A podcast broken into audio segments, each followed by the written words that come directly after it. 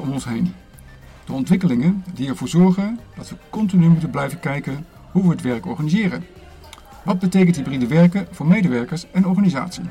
Welke rol zullen kunstmatige intelligentie of andere technologische ontwikkelingen innemen? Hoe houden we rekening met verschillen tussen generaties? En wat kunnen medewerkers zelf doen om hun werkzame leven zo gelukkig en energiek mogelijk te maken? Dat gaan we vandaag in deze podcast eh, bespreken en met niemand minder dan professor Annette Lange. Annette, welkom bij de podcast Happy People by the Business. Zou je jezelf even willen voorstellen? Nou, bedankt ten eerste voor de uitnodiging, hartstikke mooi. Uh, mijn naam is Annette Lange en ik ben bijzonder hoogleraar duurzame zetbaarheid aan de Open Universiteit. En ook werkzaam bij Berenschot in Utrecht. Ja. Uh, je bent hoogleraar. Waarom wilde jij graag hoogleraar worden? Dat is een hele goede vraag. Eigenlijk vooral vanuit de passie voor het onderwerp. Dus duurzame zetbaarheid. Ik heb altijd iets gehad met het kunnen begrijpen van het gezond ouder worden op het werk. En ik wilde eigenlijk maximaal daarvan weten, expert willen zijn. En daar hoort bijzonder hoogleraarschap dan bij. Eh, altijd een vraag vanuit het Happinessbureau. Uh, als je kijkt naar jouw werk, wat zijn de onderdelen in jouw werk die jou echt gelukkig maken? Nou, ik kijk altijd vanuit de zelfdeterminatietheorie ook naar mezelf. Hè. De behoefte aan autonomie, behoefte aan zingeving, behoefte aan sociale verbinding. En dan begin ik even met behoefte aan sociale verbinding. En binnen het werk wat ik mag doen, zowel in Utrecht bij Berenschot als bij de Open Universiteit, is heel erg in verbinding met andere collega's, studenten, promovendi, maar ook met de praktijk, waar ik ook mijn hart ligt. onderzoek doen, eh, actiegericht onderzoek doen. In bijvoorbeeld de verpleging, verzorging en thuiszorg krijg ik ongelooflijk veel passie uit. En dat zit meteen ook in die uh, behoefte aan competentie, behoefte aan autonomie. Dat komt eigenlijk heel mooi in dat onderzoek terug, omdat je uh, ja, veel ruimte hebt in het zoeken naar betekenisvolle projecten. En ook in de samenwerking keuze maken. Dus ik heb veel ruimte om te jobkraften, zou je kunnen zeggen. Ja. En dat geeft meteen ook heel veel plezier. Ja. Dat hebben ze allemaal gehad, hè? Van de ja, behoefte aan autonomie, behoefte aan competentie. Nou, je moet continu bijleren, ook als hoogleraar.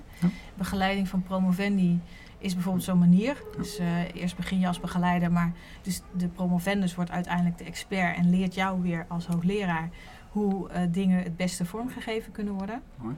Maar ik moet ook zelf bijleren. Dus ik schrijf ook handboeken, doe zelf onderzoek. Het is ook in dit geval uh, goed voor mezelf om bij te lezen, bij te leren. Ik wil graag verschillende onderwerpen met jou bespreken. allereerst ja. even de toekomst van het werk. Wat zijn volgens jou de relevante trends en ontwikkelingen waar veel organisaties en medewerkers dus rekening mee zouden moeten houden? Ja, ten eerste de schaarste op de arbeidsmarkt. Want dat betekent gewoon dat je met minder mensen meer moet doen. omdat de vragen ook wel complexer worden op de arbeidsmarkt. En dat is de eerste grootste uitdaging.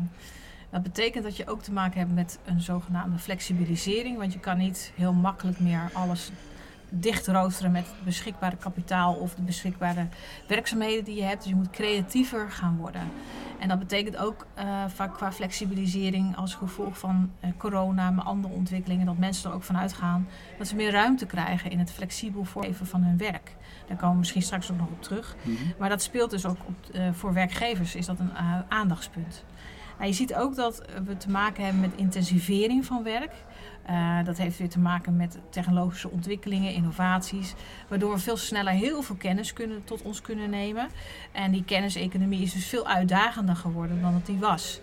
Um, daarnaast zie je ook in de innovatie heel veel mooie ontwikkelingen, maar tegelijkertijd ook veel vraagstukken. Denk maar even aan artificial intelligence. Uh, de, de app van ChatGPT is eigenlijk nu alweer verouderd. Maar we hebben het er nog wel over. En dat betekent wel dat ons werk daardoor beïnvloed wordt, verandert. Soms misschien ook uh, overbodig raakt. Mm -hmm. Nou, uh, globalisering is ook nog een factor. Dus we krijgen steeds meer te maken met de werkgever op afstand, die onze werkgever misschien ook meteen gaat worden. En hoe gaan we om met internationale relaties, internationale culturele verschillen, diversiteit, inclusie op het werk? Speelt ook een grote factor in de ontwikkelingen die we tegenkomen. En dan heb ik het nog niet gehad over het proberen creatief te kijken naar van wat betekent dat in termen van een leven lang leren of bijscholen of omscholen. Skills-based arbeidsmarkt, uh, waar werkgevers ook nog hun weg in moeten zoeken. En ik ben vast nog een ontwikkeling vergeten. In ieder geval, er komt ja. veel op uh, organisaties en daarmee op medewerkers uh, af. Ja. Um, en dat zal ook weer per sector ongetwijfeld verschillen. Um, wat zijn vanuit deze trends en ontwikkelingen bekeken voor jou tips, aanbevelingen hoe organisaties, medewerkers daarmee om zouden kunnen gaan? Eigenlijk begin ik altijd ten eerste met de data. Ga eerst na wat is er te verwachten en een bepaalde soort uh, toekomstscenario's misschien met elkaar ook bespreken, relevante stakeholders uit je eigen arbeidsmarktsegment. Uh, dat kan een sector zijn, een branche, kan een specifieke organisatie zijn. Maar durf eerst beeld te schetsen. Durf vanuit de data gedreven perspectieven te schetsen. En ook toekomstscenario's te maken waarvan jij denkt: hé, hey, dit zou wel eens op ons af kunnen komen. Ja. Ik had het zo net al over artificial intelligence. Wat betekent dat voor het herstructureren, herorganiseren van het werk bijvoorbeeld? Welk werk kan je verwachten kan geautomatiseerd worden? Welk werk niet? Wat betekent dat dan voor het menselijk kapitaal wat je nodig hebt? Even om een voorbeeld te noemen. Dus vaak werken we ook met toekomstscenario's. En helpt het soms ook, we hebben een soort toekomstdialooginstrument ontwikkeld om over de toekomst van werk te kunnen praten. En terug te kunnen vertalen naar wat betekent dat qua menselijk kapitaal? Wat betekent dat voor onze strategie? Dus dat uh, kun je dan op die manier stapsgewijs uitwerken. Maar daar zou ik beginnen. Ja. Hele mooie. En uh, is dat iets wat uh, een groepje mensen, uh, misschien soms de, de, het MT zelf oppakt? Of is dat wat je eigenlijk met je medewerkers ook bespreekt? Nou, we zien veel dat vragen vanuit het MT starten. Hè, omdat men ziet van nou, we moeten een jaaragenda maken of we moeten onze strategie opnieuw bekijken. maar de adviezen die we vaak hebben in het goed met de toekomst bestendig organiseren om te gaan, is dat je het probeert integraal te maken. Dus dat zei ik al zo net van je gaat eigenlijk datagedreven kijken op MT-niveau, wat betekent dit? Maar vervolgens vertaal je het ook naar andere niveaus in je organisatie. En ga je ook toetsen of die toekomstscenario's die je voor ogen hebt, of die ook passen bij de beelden die uh, op de werkvloer zijn. Ja. En als je dat niet doet, dan kan het ook zijn dat je hoog over met je scenario vliegt over je hele personeelgroep heen. En dat is natuurlijk niet de bedoeling. Ja.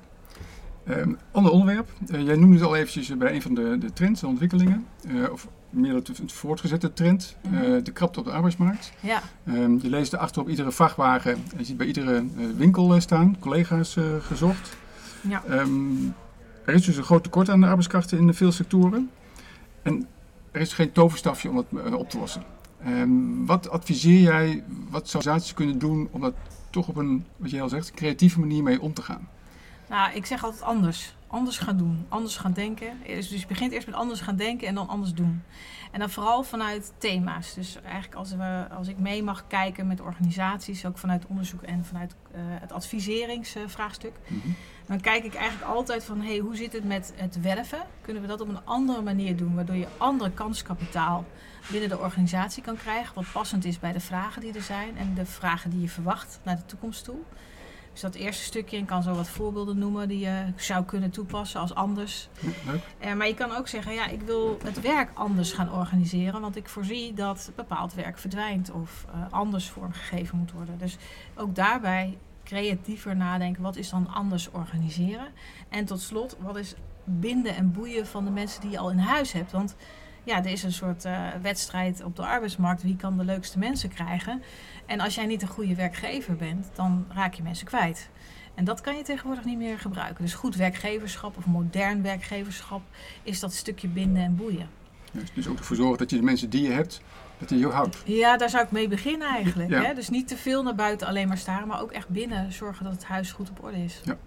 En het anders denken vind ik wel aardig. Uh, We mhm. spraken laatst iemand in een zorgorganisatie en die zei ook van voor de komende jaren is een toekomstscenario. We weten al dat er veel meer uh, ouderen komen, maar we moeten met hetzelfde personeelsbestand doen. Ja. Dat kan niet. Dus dan moet je echt anders gaan, gaan denken. Ja, dat is bijvoorbeeld datagedreven ook weer vanuit verschillende disciplines kijken. Dus uh, veel mensen die denken aan menselijk kapitaal denken meteen aan HR. Maar in dit geval zou je ook capaciteitsplanning kunnen doen. Dat je vanuit logiek juist door gaat rekenen, datagedreven. Wat is hier eigenlijk zorglogistiek nodig? En dan merk je al dat je soms winst kunt boeken door uh, slimme data-gedreven oplossingen te suggereren. We kijken soms ook naar slimme werken. Dus kijk je naar een bepaald soort werk, is dat nou echt nodig of niet? En wat voor werk zou je kunnen outsourcen of anders kunnen vormgeven of misschien ook afscheid van kunnen nemen? En daar kun je ook al best wel wat winst boeken. Ja. Ja. Ik heb onlangs een artikel geschreven over growth, getting mm. rid of stupid stuff. Bijvoorbeeld bullshit jobs. Hè? Ja, dus, ja, en dan zie je eigenlijk van juist ook dat soort dingen die uh, ook waarschijnlijk uh, uh, met goede verstand bedacht zijn. En dat eigenlijk, als je naar een aantal jaren kijkt, die eigenlijk niet meer wenselijk zijn of op een andere manier veel beter kunnen inrichten. Ja, en daarnaast denk ik nog dat we efficiënter kunnen werken of slimmer kunnen werken. Dat noemen we ook wel eens deep work. Dus dat is werk wat je echt maximaal productief kan uitvoeren. En dat heeft soms te maken met dat je slimmer aan het werk gaat. En even voorbeeld bij slimme technologiegebruik. Uh, ik kijk zelf met een promovendus naar elektronische patiëntendossiers in de zorg. Hm? Nou, sommige aspecten van een elektronisch patiëntendossier zijn echt essentieel. Zowel voor de kwaliteit van de zorg als voor de professional, als de organisatie, de patiënt. Maar bepaalde vragen zou je kunnen standaardiseren en zou je je ook kunnen afvragen van is dat wel echt nodig? En dat noem ik slimme technologiegebruik. De technologie moet wel het mensenwerk ondersteunen en niet andersom. Ja. En dat zie je soms ook wel gebeuren in de zorg helaas. Dat uh, die kwaliteitszorg zo belangrijk is, zo leading in allerlei uh, besluitvormingsvraagstukken. Dat de mens eigenlijk niet meer ondersteund wordt met de technologie. Of de patiënt ook niet meer ondersteund wordt. Ja. En bedoel je uh, met het anders denken ook van dat je soms wel een hele lijst met vragen zou kunnen stellen die ja, allemaal op zich allemaal heel slim zijn. Maar als je kijkt wat ermee gebeurt uiteindelijk, dat is misschien wel goed is om te kijken of je dat, al die vragen wel zou moeten stellen. Ja, laten we daar eens kritisch naar kijken. Hè. Dat noemen we ook wel zinnige zorg. Dus bepaalde administratie is gewoon niet van toegevoegde waarde. Die kun je dan schrappen. Ja. Nou, een ander voorbeeld is dat je ook slimmer kan leren van gebruik je de technologie nou op de goede manier. Klinkt misschien een beetje gek, maar we hadden, je had het net al over hybride werken, technologie op de werkvloer ja, we merken toch dat sommige mensen nog een kloof ervaren in het wel of niet goed toepassen van de technologie. Dus het bijscholen, omscholen in technologiegebruik levert ook weer winst op. En is soms een beetje een taboe. Dus uh, dan merk je dat sommige professionals op de werkvloer het moeilijk vinden om aan te geven: hé, hey, ik, eigenlijk kan ik niet zo goed met deze technologie omgaan. En daar gaat ook heel veel productiviteitsverlies in zitten als je niet goed mensen uh, ja, bijscholt, omscholt in die toepassing van technologie. Ja. Denk je met die tips dat het uh, arbeidsmarkttekort, dat de, de, het, het werk wat moet worden gedaan, zou kunnen worden opgelost? Of blijft het toch lastig? Het blijft krap, zeg ik heel. Ik ben wel realistisch. Ik ben niet altijd van we kunnen alles oplossen. Maar ik denk wel dat er uh, dankzij die creatieve andere vormen veel beter datagedreven perspectieven komen. Die ook uitvoerbaar zijn en die ook echt grote problemen kunnen voorkomen. En dat is denk ik ook wel wenselijk. Dus als je nou ja, naar die oplossingen, andere oplossingen gaat kijken, dan weten we gelukkig ook al uit eerder onderzoek welke oplossingen meer of minder effectief zijn. Dus uh, daar ga ik ook graag met jou nog langs. Dus, ja. Hey, uh, leuk, als, als jij een paar voorbeelden hebt, heel graag. Een paar voorbeelden. Ja. Nou, als je naar anders werven kijkt, dan zien we toch dat open hiring, skills-based werven, dat dat toch wel een, een, mooi voorbeeld is. Wat echt effectief in bepaalde type taken uitgevoerd kan worden. Nou, ik ga ervan uit dat de luisteraar dat weet. Maar toch, voor degene die het niet weet, is wel een belangrijke nieuwe manier van werven en anders kijken. We zien ook dat aandacht hebben voor zij-instromers, carrière-switchers. Even een mooie casus vanuit uh, de gemeente Brabant, waar ze daar uh, heel slim met zij-instromers zijn gaan werken in de gemeentes. Heel effectief is. Dus dat je soms een duidelijke populatie zoekt. Uh, kijk ook eens naar bijvoorbeeld de UWV-dashboards. Die kijkt heel erg naar kansgroepen kansberoepen. Nou, kun je daar een match maken uh, en kun je daar ook de goede aanpak omheen bouwen als een soort zij-instroomroute. En gelukkig zijn er al heel veel successen. Ja, dan ga je op een slimme manier met het menselijk kapitaal om. Juist. En daar weten we gelukkig ook al het nodige van. En zijn stromers zijn mensen die eigenlijk in een andere sector hebben gedaan of ander werk hebben gedaan, ja. die dan weer uit, ja, uitnodigen voor de functie om die te gaan vervullen. Precies, ja, die krijgen die gepaste bijscholing. Uh, we zien ook dat uh, regionaal werkgeverschap, dus ook een beetje weer dat stukje anders organiseren, ook effectief is. Zeker als je regionaal met elkaar het menselijk kapitaal gaat delen en slim gaat uh, herplaatsen waar mogelijk, dat je dan ook heel veel winst boekt. Dus het allemaal oplossen in één organisatie, daar, daarvoor zie ik echt heel veel problemen. Maar als je de goede netwerken bouwt in de regio's, goede ecosystemen noemen we dat ook wel, hmm. ja, dan ga je wel successen boeken. Ja. En ook dat zal in de ene sector makkelijker zijn dan de andere. Dat is wel zo. Maar mijn boodschap is: ga nu investeren in je regionale netwerk, want daar zitten successen. Ja. Weten we al uit onderzoek. Ja. Nou, studenten op de juiste momenten interesseren. Uh, dus eigenlijk moet je het talent misschien wel op de lagere school al warm gaan uh, maken voor de beroepen waar je op zit te wachten. Ja. Daarvan weten we ook dat het succesvol is. Meeloopstages, interessante meekijkdagen. Um, aantrekkelijk maken om door te stromen vanuit de studie naar, uh, naar, naar een baan. Dat dat ook effectief is. Ja, breder werven had ik al genoemd, hè, dat intersectoraal, non-profit naar profit.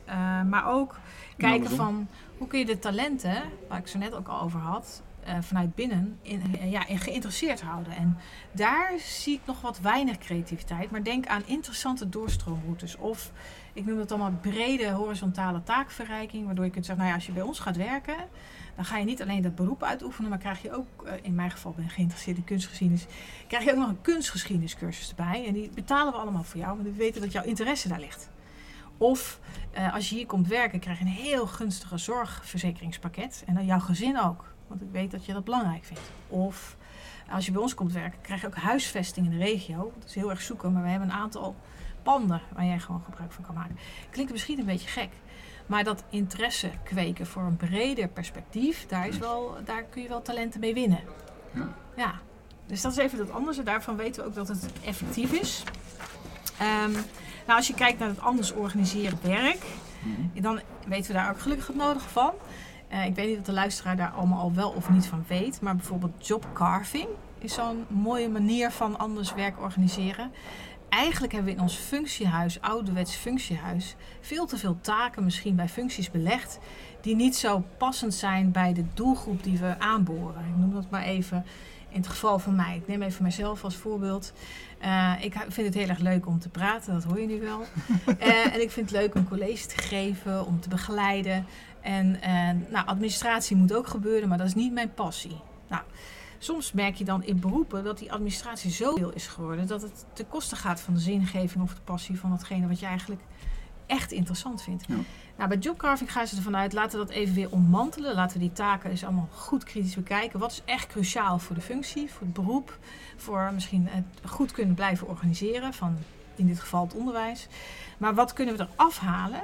Wat eigenlijk ja, ook moet gebeuren, maar niet echt past bij menselijk kapitaal wat we nu in gedachten hebben. En dan ga je eigenlijk oninteressante taken voor ondergetekende interessant maken voor een ander. Ja. En functiecreatie bijvoorbeeld. Vanuit inclusie werkt heel goed. Dus kijk dan of iemand een stukje administratie wil overnemen. Dus betekent uh, binnen het team eigenlijk opnieuw je taken gaat verdelen? Ja, ja dus het kan ook zijn dat de andere collega zegt... nou, dat stukje wat jij niet zo heel leuk vindt... dat vind ik eigenlijk heel erg leuk. Dus dat, is, dat, daar wordt al veel mee gewerkt... en weten we ook werkt positief door. Ziet meer betrokkenheid, meer bevlogenheid als je dat uh, jobcarving of jobcrafting, dat is weer iets anders. Hè. Jobcarving is echt, we gaan het ommantelen en we gaan opnieuw functies creëren. Bij jobcrafting ga je ervan uit dat je vanuit interesses, talenten, uh, kwaliteiten opnieuw gaat kijken van wat zou je nog meer of minder willen doen in de huidige functie. Dus dan blijft het functiepakketje nog wel vrij hetzelfde. Maar je gaat meer zelf craften in datgene wat je wel of niet wil doen. Juist, dus zoals ik, ik wilde vroeger altijd naar de uh, filmacademie in de school van journalistiek. Ja. Daarom vind ik nu heel leuk om die podcast te doen. Dat doe ik bij wat ik. al normaal uh, doe. Ja. Dat is meer jobcraft. En ja, crafting ga ik opnieuw kijken van wat je al deed, ja. om het anders te doen. Ja, dan ga je echt werk van je wegnemen of uh, toevoegen. Ja. Nou, dus dat is wel interessant. En daarvan weten we dat ook jobcrafting een hele ja, misschien heb je nog uh, interviews met andere collega's die daar heel veel onderzoek naar hebben gedaan. Maar dat is heel evidence-based te noemen. Dus gewoon ontzettend veel trainingen zijn al ontwikkeld door ook andere collega's. Uh, combinatiebanen, ik weet niet of dat al bekend is voor de luisteraar. Maar dan ga je dus inderdaad in dat regionaal werkgeverschap kijken van... oké, ik werk een stukje, bijvoorbeeld de maandag en dinsdag bij werkgever A. Ja. En de laatste drie dagen heel soepel bij de andere werkgever. Dus die werkgevers die werken heel goed samen in het mogelijk maken van die combinatiebanen. En dat, dat werkt ook heel positief door. Hier hebben we bijvoorbeeld de werkgeverij. En daar eh, in deze regio Gelderland bijvoorbeeld, waar ze successen boeken met het uitwisselen van ook bijscholing, omscholing tussen werkgevers in de zorg. Maar ook uh, een kijkje in de keuken bij de andere werkgever gedaan kan worden. En dit heeft een paar voordelen, want ik weet dat uh, bijvoorbeeld de provincie Gelderland is een soort marktplaats. Ja. Hebben we dus ook kan kijken of je misschien een andere uh, baan leuk vindt. Ja. En ook zeker het even proberen dus ook voor, voor zes, acht weken iets kunnen gaan doen. Kun je ook even snuffelen van, is dat ook een, iets wat ik nog eventueel langer wil gaan, gaan doen? Hè? Ja, precies. Dat is natuurlijk helemaal mooi. Want dan heb je een soort veilige overstap. Hè? En dat wil je eigenlijk ook. Dat je niet per ongeluk de verkeerde baan hebt gekozen. Omdat hij zo van de buitenkant leek. Ja. Maar je wil ervaring opdoen. Dat zien we ook in de begeleiding rondom de participatiewet en inclusie. Dat juist die ervaringsbanen heel belangrijk zijn voor een goede, duurzame doorstroom. Ja. Nou, dan hebben we nog slimme werken dan zeg je, wat is dat? Dat, dat is eigenlijk kritisch weer opnieuw kijken naar alle werkzaamheden, processen. Dus dan ga je iets integraler naar het hele werkpakket kijken. En ook de begeleiding rondom de werkpakket. Van de roosteraar tot de planner. En wat kan daar dan procesmatig vanuit het systeem verbeterd worden?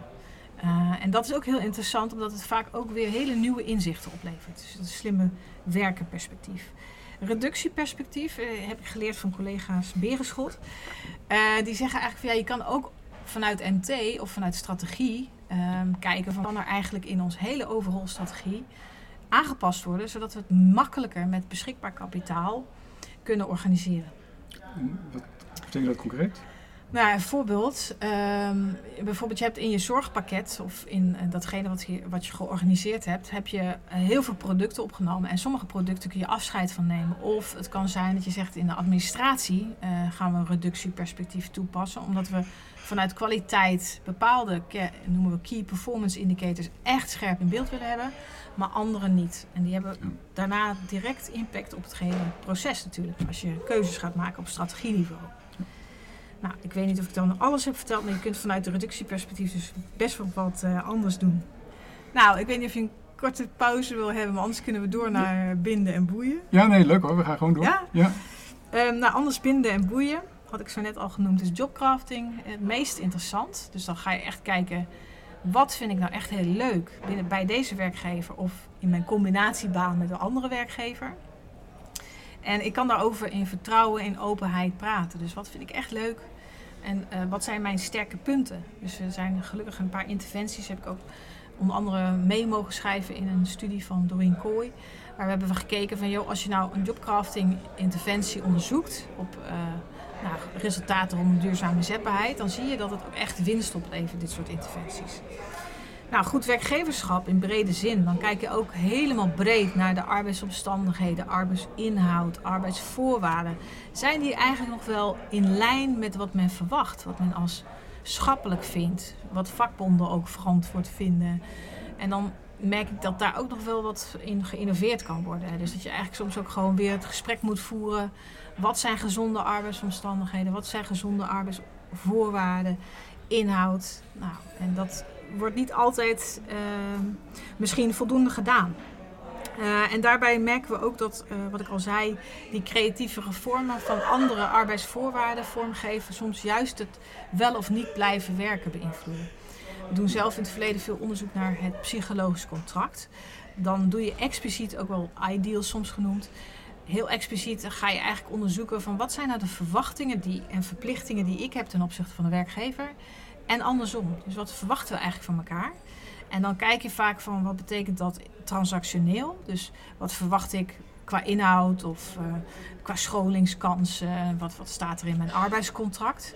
Nou, dat voorspelt al behoorlijk of iemand gebonden, geboeid zich voelt. Maar het relationele stuk is misschien nog wel belangrijker. En daarin zit ook een stukje sociale veiligheid op de werkvloer. Uh, het prettig met elkaar omgaan, in vertrouwen dingen kunnen bespreken. Jezelf kunnen zijn, om maar iets te noemen. Ja, dat traditionele klinkt ook wat kouder. Ja. En dat is juist die verbinding is veel warmer eigenlijk. Ja. Uh, ja. Maar ook vanuit onderzoek zien we dus die breuken in beide hebben invloed. Maar het relationele dus wordt vaak niet goed besproken. Ja. En ik denk dat daar heel veel winst te halen is. En dat zie je ook wel heel veel gebeuren nu. Veel sociale veiligheidsexperimenten. En niet voor niks. Ja. Um, nou, daarbij is het wel interessant om te noemen. Ik begeleid een promovendus, Kokkie Verschuren. En zij doet onderzoek naar negatief werkgedrag. Dus datgene wat je niet wil, hè, als je het hebt over goed werkgeverschap. En ze merkt eigenlijk preventief kun je het beste een netwerkperspectief pakken. Dus als je goed werkgeverschap vorm wil geven, dan is het ook goed om dat te laden vanuit het netwerk. Dus um, ik noem het even een voorbeeld. Je kan een workshop organiseren rondom goed werkgeverschap. En Mhm. Via moodboards ophalen uit je organisatie. Wat verstaan we daar nou eigenlijk onder? Zodat iedereen participatief een beeld kan vormen. Maar ook dat het vertaald wordt in passend beleid. Wat dus dan uh, gedragen wordt. En daar zie je dan toch helaas soms niet de goede stappen gemaakt. En wat is dan de netwerkkant eraan? Ja, de netwerkkant is vooral dat je kijkt ook van wat betekent uh, het uh, in dit geval negatief werkgedrag. Wat is dat dan? En dat zijn dan allemaal verschillende soorten vormen die kunnen plaatsvinden van verbaal, digitaal uh, tot uh, nou ja, en zeg maar via de e-mail, kort, kortbondig. Het kan kortstondig zijn, het kan langdurend zijn. en er zijn verschillende actoren bij betrokken. Dat zie je dan in het, vanuit het netwerkperspectief. En soms dan ben je de slachtoffer, soms ben je de, misschien de boeman. Maar er zijn ook altijd meeluisteraars die, die dingen ja, accepteren of niet iets ervan zeggen. En juist dat bredere groepje rondom de, de twee actoren die bepalen eigenlijk wel of niet of iets passend is binnen de organisatie. Klinkt misschien een beetje zwart-wit, maar eigenlijk wil je niet te veel meelopers. Of je wil eigenlijk een aantal mensen die zeggen: Ik durf dit bespreekbaar te maken. Dus ik zie hier iets gebeuren in mijn team wat niet passend is. Terwijl ze niet zelf daar onderdeel van zijn. Dus het is ook denk ik wel goed om dat te snappen dat dat netwerkperspectief zo belangrijk is. Maar wat doet dan die meehoorder? Hè? Wat is dan het gedrag wat je moet vertonen? Dat bedoel ik dan vanuit het uh, netwerk gedragen. Als je daar een beeld bij vormt van, dan maak je het bespreekbaar of uh, kaart je het bij een vertrouwenspersoon aan. Uh, en dan zorg je voor preventieve aanpak. Yes. En het mooie is eigenlijk dat je dat binnen je team zelf kan oplossen. Ja. ja. En dat hangt dus heel erg samen met het binden en boeien. Want als je niet een veilige situatie op het werk krijgt, zul je heel veel mensen verliezen. Oké, uh, functiedifferentiatie en doorgroeiperspectief, dat is het laatste wat ik graag wil noemen. Ja, daar merken we vanuit onderzoek, naast die flexibiliteit op het werk, dat het echt de cruciale factoren zijn om mensen te behouden. Dus echt de ruimte bieden tot aanpassingen in hun eigen loopbaanroutes. En ik noem dat ook wel de employee experience of de employee journey. Die is niet altijd goed uitgelegd. Dus vaak zie je dat aan de start of de onboarding noemen we dat. Mensen bij het arbeidscontract nog heel enthousiast allemaal voorbeelden te horen krijgen. Maar tijdens hun loopbaan niet meer zo goed gecommuniceerd wordt over die loopbaanroutes. Ja. Dus het is eigenlijk de boodschap aan de werkgevers van nu en in de toekomst om zo goed mogelijk die employee experience zo interessant mogelijk te maken. En je ziet ook dat uh, ja, de topwerkgevers steeds meer investeren in ook bijscholing in een soort University Academy.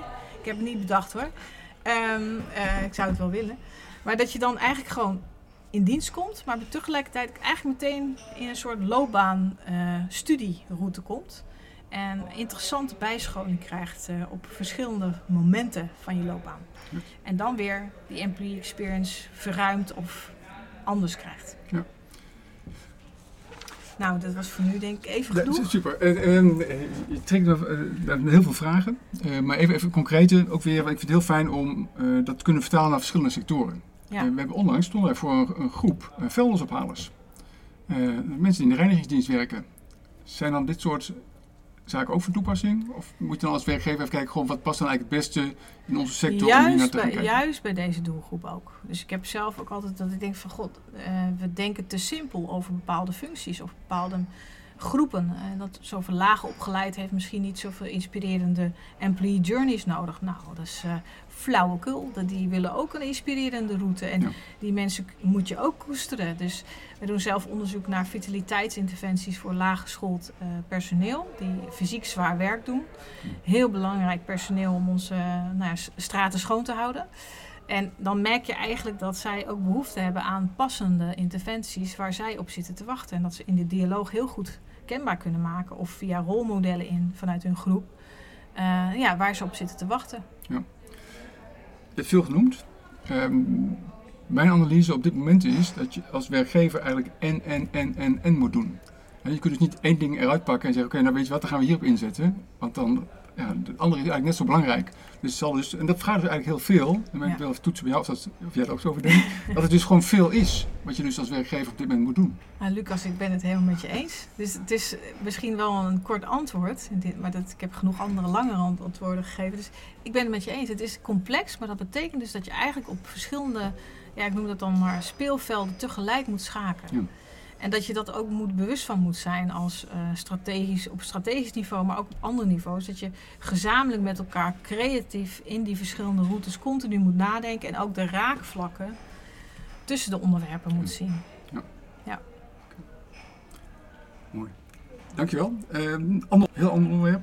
Um, wordt vaak gezegd, hè, we hebben op dit moment uh, vier of vijf generaties op, uh, op de werkvloer. En er worden vaak allerlei uh, dingen gezegd over vooral de, de jongste generatie. En uh, ik ben heel benieuwd, want jij, jij weet er wat meer van, uh, hoe dat nou precies zit. Kun je inderdaad allerlei kenmerken plakken aan, in een, aan de generatie Z, Y of millenniums, hoe het nou mogen heten? Of is dat eigenlijk altijd zo bij jongere mensen of mensen tussen de 30 en de 40? Mm en ik ben ook benieuwd om straks even te kijken van wat zijn dan de consequenties daarvan voor een werkgever? Dus van, wat, weet, wat weet jij eigenlijk over die verschillende generaties? Uh, hoe is dat ingedeeld en hoe zou je dat uh, als werkgever kunnen oppakken?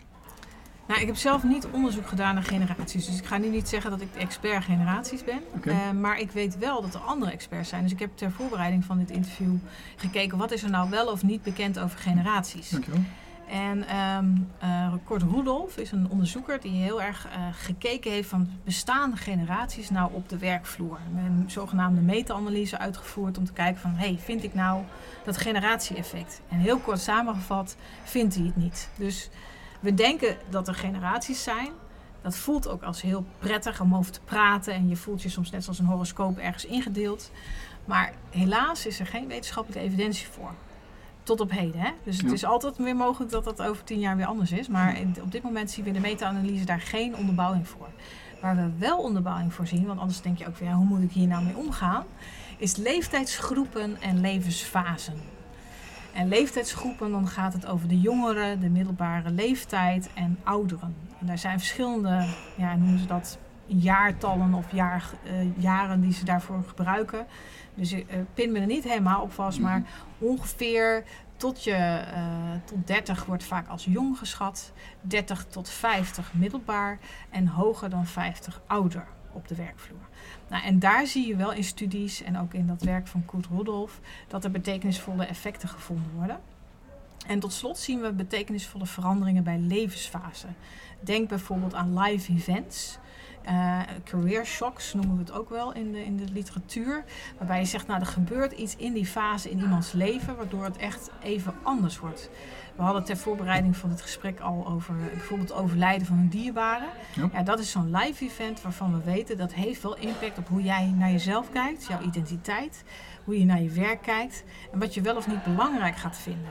En dat verschilt wel weer per persoon. Dus het is niet zo dat we standaard reacties hebben op live events, maar we weten wel dat het een, ja, ik noem dat een steentje in het water is en dat je daar wel serieus als werkgever aandacht naar uit moet laten gaan. Oké. En zijn andere live events ook de standaard dingen als eh, trouwen, Ja. scheiden, eh, Ja. kinderen krijgen? Ja, maar ook in career shocks kan ook bijvoorbeeld, eh, want dan kijken ze ook nog wat breder, wat betekent dat in het werk. Dus je kan naar live events kijken, levensloopveranderingen, maar ook naar career shocks. Dat kan bijvoorbeeld zo'n corona zijn. Dat er gewoon van buitenaf iets gebeurt waardoor het werk echt heel anders wordt.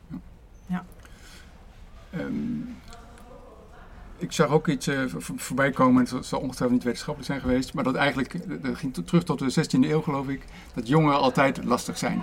Die, pubers en zo, dat is altijd lastig. Dus dan denken wij altijd, joh, dat is nou weer de stadgeneratie of iets anders. Dat blijkt al eeuwen zo te zijn. Eh, aan de andere kant, omstandigheden veranderen wel. Je hebt natuurlijk niet voor niks dat, nu zijn er kinderen die hebben geen, niet meegemaakt dat er geen internet was. Sommigen hebben niet eens meegemaakt dat er geen device was als een mobiele telefoon. Nee. Dus omstandigheden veranderen wel. En ik kan me voorstellen dat het ook invloed heeft op hoe je misschien naar werk kijkt of hoe je bent. Nou, dat is ook weer gerelateerd aan die veranderingen die we op de arbeidsmarkt tegenkomen. Die hebben dus wel weer invloed op wat we wel of niet op het werk belangrijk vinden. Maar het is niet goed te pakken in een generatie-effect. Oh ja. Dus dat, dat is Ja. wel fijn als we dat wel hadden kunnen doen. En nogmaals, misschien is er een onderzoeker die overmorgen dat wel voor elkaar weet te krijgen. Maar tot op heden lukt dat niet. En daarvan zeg ik dus, je kunt beter vanuit die levensfases kijken. Of vanuit een leeftijdsgroep. En het kan zijn dat die leeftijdsgroep tot 30 inderdaad andere veranderingen in de maatschappij heeft meegemaakt. En daardoor anders op het werk ook gereageerd. Nou, wij hebben een onderzoek gedaan naar eh, Job Career Calling met de Amy Wisniewski. Mhm. En dan zie je ook dat, heel logisch, jongeren weten niet precies wat hun roeping is. Want die zijn net begonnen met werken. En dat zal niet veranderd zijn in de afgelopen 10, 30 jaar. Want iedere keer een jongere begint weer opnieuw met werken. Ja. Dus op zo'n manier kan ik me voorstellen dat je als werkgever snapt dat je misschien ook jongeren helpt om Ja. te kijken waar hun talenten liggen, hun sterke punten, om zich Ja. daar vooral op in te zetten. Ja, dus eh, vanuit jongeren, middelbare leeftijd of senior eh, denken en handelen en begrip voor hebben, zou ik wel willen adviseren. Ik noem het ook wel levensfasebewust personeelsbeleid. Ik weet dat het een heel ouderwetse begrip is, Ja, maar hij is wel heel duidelijk. Eh, dat je echt nadenkt van wat betekent het in jouw huidige levensfase? Waar heb jij behoefte aan in tot je werk? En dan kom je zowel die live events als misschien shocks die ze hebben ervaren vanzelf tegen. En hoe doe je dat als organisatie? Door gewoon dat regelmatig aan je mensen te vragen? Nou, ik vind altijd het functioneringsgesprek, de RNO-gesprekken of de fit-gesprekken, gelukkig worden ze steeds moderner, die gesprekken. Ja. Dat je vooral de toekomstgerichte fit onderzoekt, van waar sta je nu? En het liefst natuurlijk eh, regelmatig, niet één keer per jaar. Maar dat je echt met elkaar zo'n band hebt opgebouwd dat je zelfs bij de koffie gewoon dat gesprek kan voeren. Maar als dat niet lukt, omdat je werk het gewoon niet toestaat, dan zou ik zeggen, maak er één keer per jaar een duidelijk moment van. En zorg dan voor dat fit gesprek. Noem dat persoon, omgeving, fit gesprek. Leuk. Je hebt al even ehm, gezegd over die levensfase en die eh, persoonlijke omstandigheden. Ehm, dat betekent eigenlijk ook, even toetsend bij jou, dat de organisaties meer naar een holistische visie toe gaan. Want wat heb ik nou te maken dat iemand gescheiden is? Of wat heb ik nou te maken met een overlijden van een dierbare als werkgever? Dat is privé. Dat betekent dus ook een verandering, toetsend, dat je dus als werkgever veel holistischer naar je medewerker, medewerkers gaat kijken. Nou, het zou zelfs nog mooier zijn als je zowel naar de klant, consument, cliënt of wie jouw eindgebruiker is, journey gaat kijken. En je gaat die alignen, noem ik dat, uh, passend maken aan de employee journey. En die past weer bij je organisatie journey. Dus die moet eigenlijk een beetje bij elkaar passen. En we zien dat mensen, organisaties die toekomstbestendig zijn, die snappen dat steeds beter. Dus die gaan ook steeds meer vanuit die client journey, employee journey organiseren. Dus dan heb je die uh, organisatiejourney meteen te pakken. Dus dat je in staat bent om wat flexibeler mee te organiseren. Wat is op dit moment het meest nodig? En dat klinkt heel complex, maar dat hoeft het helemaal niet te zijn. Dus sommige producten blijven gewoon hetzelfde, omdat het echt goed past. Dat zijn solide, instrumenten. En andere dingen van zeg ja, dat heeft gewoon zijn tijd gehad en daar moeten we van af. Of, en dat betekent wel dat je inderdaad continu met elkaar in gesprek moet blijven. Van hey, doen we de dingen zoals we ze zouden moeten doen? En hoe ziet die client journey er nou uit en hoe ziet die employee journey eruit? Moeilijke termen misschien, maar ja, ik vind het altijd mooi om uit te tekenen. Dus je ziet soms ook echt van die tekeningen. Ja. ja. Um, ik vind het interessant, en zeker vanuit het holistisch concept. Um, hoe zie jij die link? link? life cycle is dat dan, hè? Ja. Hoe zie jij die link dan tussen die uh, klantreis en de medewerkersreis? Want medewerkersreis, je begint, mm -hmm. je ontwikkelt je en je hebt fantastische jaren en nog wat ja. meer. Ja. Met al die levensfasen erbij. Een Mhm. klant blijft hopelijk, hopelijk ook wat langere tijd aan je organisatie verbonden. Uh -huh. Waar zie je dan precies die link? Nou, uh, een voorbeeld is uh, in de ouderenzorg doen wij nu actie leren rondom dit soort journeys of, of reizen. En uh, even een voorbeeld, ze hebben allebei een warme welkom. En soms is die vergelijkbaar. Dus dat je gewoon zegt, nou de cliënt komt op, voor het eerst in de ouderenzorg en die krijgt een plantje en een, en, en, en een, soort toekomst of een, welkomstgesprek. En uh, voelt daarmee het warme welkom al bij de receptie. Maar hetzelfde geldt met de medewerker die start in, in zijn of haar loopbaan. Die krijgt, wat mij betreft, en dat zie je dan ook gebeuren, letterlijk hetzelfde pakketje. Zodat het passend is. Dan hebben we het ook nog over de doorstroom. Hè. Dus wat kan die cliënt verwachten qua extra uh, begeleiding of uh, ondersteuning in de ouderenzorg. Hè. Dat gaat soms in contact met de familie blijven. Nou, bij de medewerker idem. Als die levensloopervaringen tegenkomt, dan wil je ook in contact zijn met de familie. Dus het is echt best wel vergelijkbaar eigenlijk. Dus je ziet dan een soort levensloop en ook daar zit dan een exit. In de ouderenzorg is de exit dat een oudere soms naar een andere uh, afdeling gaat, maar helaas soms ook komt te overlijden. En ook dat is in, in de medewerker hetzelfde. Dus ik merk dat het levensloopmetafoor in die journeys eigenlijk best wel goed passend te, te maken is. En als je dat doet, dan begrijp je elkaar ook beter. Als, als klant en organisatie. Ja, ja. ja, en dan snap je ook dat het niet ten koste van elkaar moet gaan. Ja. Hm. Um, even kijken hoor. Oh ja, ook weer een iets ander onderwerp. Um, vanuit het Happinessbureau vinden we eigenlijk dat als je je medewerker centraal stelt, um, dan zorgen zij goed voor de klanten en dat zorgt ook weer voor goede financiële uh, prestaties. Mm -hmm. uh, dus je begint eigenlijk bij de klant, die maakt ja. bij de klant, uh, sorry, bij de medewerker, die maakt de klant gelukkig en dat zorgt ook voor dat je financieel uh, goed gaat, wat ook belangrijk is, die drie onderdelen. Mm -hmm. Dat is niet iedere visie, dat is niet de visie van iedere organisatie. Uh, en dat is ook niet de enige succesvolle manier. Er zijn ook partijen, noem voor Amazon, die toch iets anders daarnaar kijkt, zeker naar uh, medewerkers. Dus je kunt ook op andere manieren succesvol zijn. Hoe kijk jij daar naar? Ja, ik, ik kijk er wel vanuit mijn bril dan naar natuurlijk. Hè? Want Ja. je kan inderdaad vanuit maximalisatie van winst, dan is het soms best aantrekkelijk om niet alleen maar happy werknemers te hebben. Omdat het soms vanuit automatisering, lean processes eh, best aantrekkelijk is om zo min mogelijk mensen te hebben en zo snel mogelijk efficiënte processen te hebben. Dus het ligt ook een beetje aan in wat voor sector en type product je werkzaam bent. Maar ik, ga, ik kijk veel naar mensenwerk, zou ik maar zo zeggen. En dan werkt jouw business case wel. Dan zien we ook van als je ehm, ja, mensen met plezier aan het werk hebt, dan zorg je dat hun herstelbehoefte eigenlijk optimaal blijft. Dus ze, hebben niet, ze worden niet vermoeid en ze blijven bevlogen aan het werk. En dat hangt samen met hoger werkvermogen.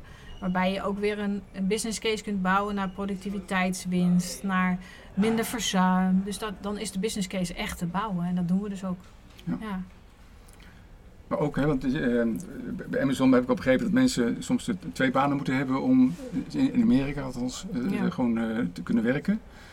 Um, dat betekent ook dat je eigenlijk je, de kosten van de manier waarop je het aanpakt eigenlijk bij de maatschappij neerlegt soms. Mm ja, als je ook als je de mensen flauw voor over de klink haalt, ja, dat is hartstikke mooi voor jouw bedrijf misschien, want dat zorgt ervoor dat mensen heel hard werken en, en jij financieel een goed resultaat behaalt. Maar de gevolgen daarvan worden eigenlijk dan afgewend op de maatschappij. Ja, ik, vind, ik ben heel blij dat ik in Nederland werk en woon. Hè. Wij hebben, dat, dat gaat wel een hele prettige sociale zekerheid opgebouwd. En ik zou niet die Amerikaanse variant hier willen bouwen. Dus, uh, dat, dat zeg je terecht. Kijk, we hebben een heel goed opvang of een vangnetwerk opgebouwd voor mensen die of tijdelijk of langdurig het werk niet meer kunnen uitvoeren. Ik vind wel dat de werkgever moet snappen dat hij of zij ook meer moet proberen die persoon niet in dat vangnet te krijgen. Dus want voorheen konden we nog best wel veel mensen in het vangnet hebben, want we hadden genoeg mensen. Maar dat hebben we nu niet meer. Dus we moeten juist mensen weer uit die vangnet reïntegreren, zo snel mogelijk. Ja, dus eigenlijk dat heb je als werkgever nog een veel bredere verantwoordelijkheid. Ja, maatschappelijke opdracht. Ja. ja. Nou, Annette, dat was uh, het laatste thema. Uh, super bedankt. Ik vond het erg waanzinnig interessant om dit allemaal van jou uh, te horen. Enorm bedankt voor, voor het gesprek. Bedankt voor het mooie gesprek.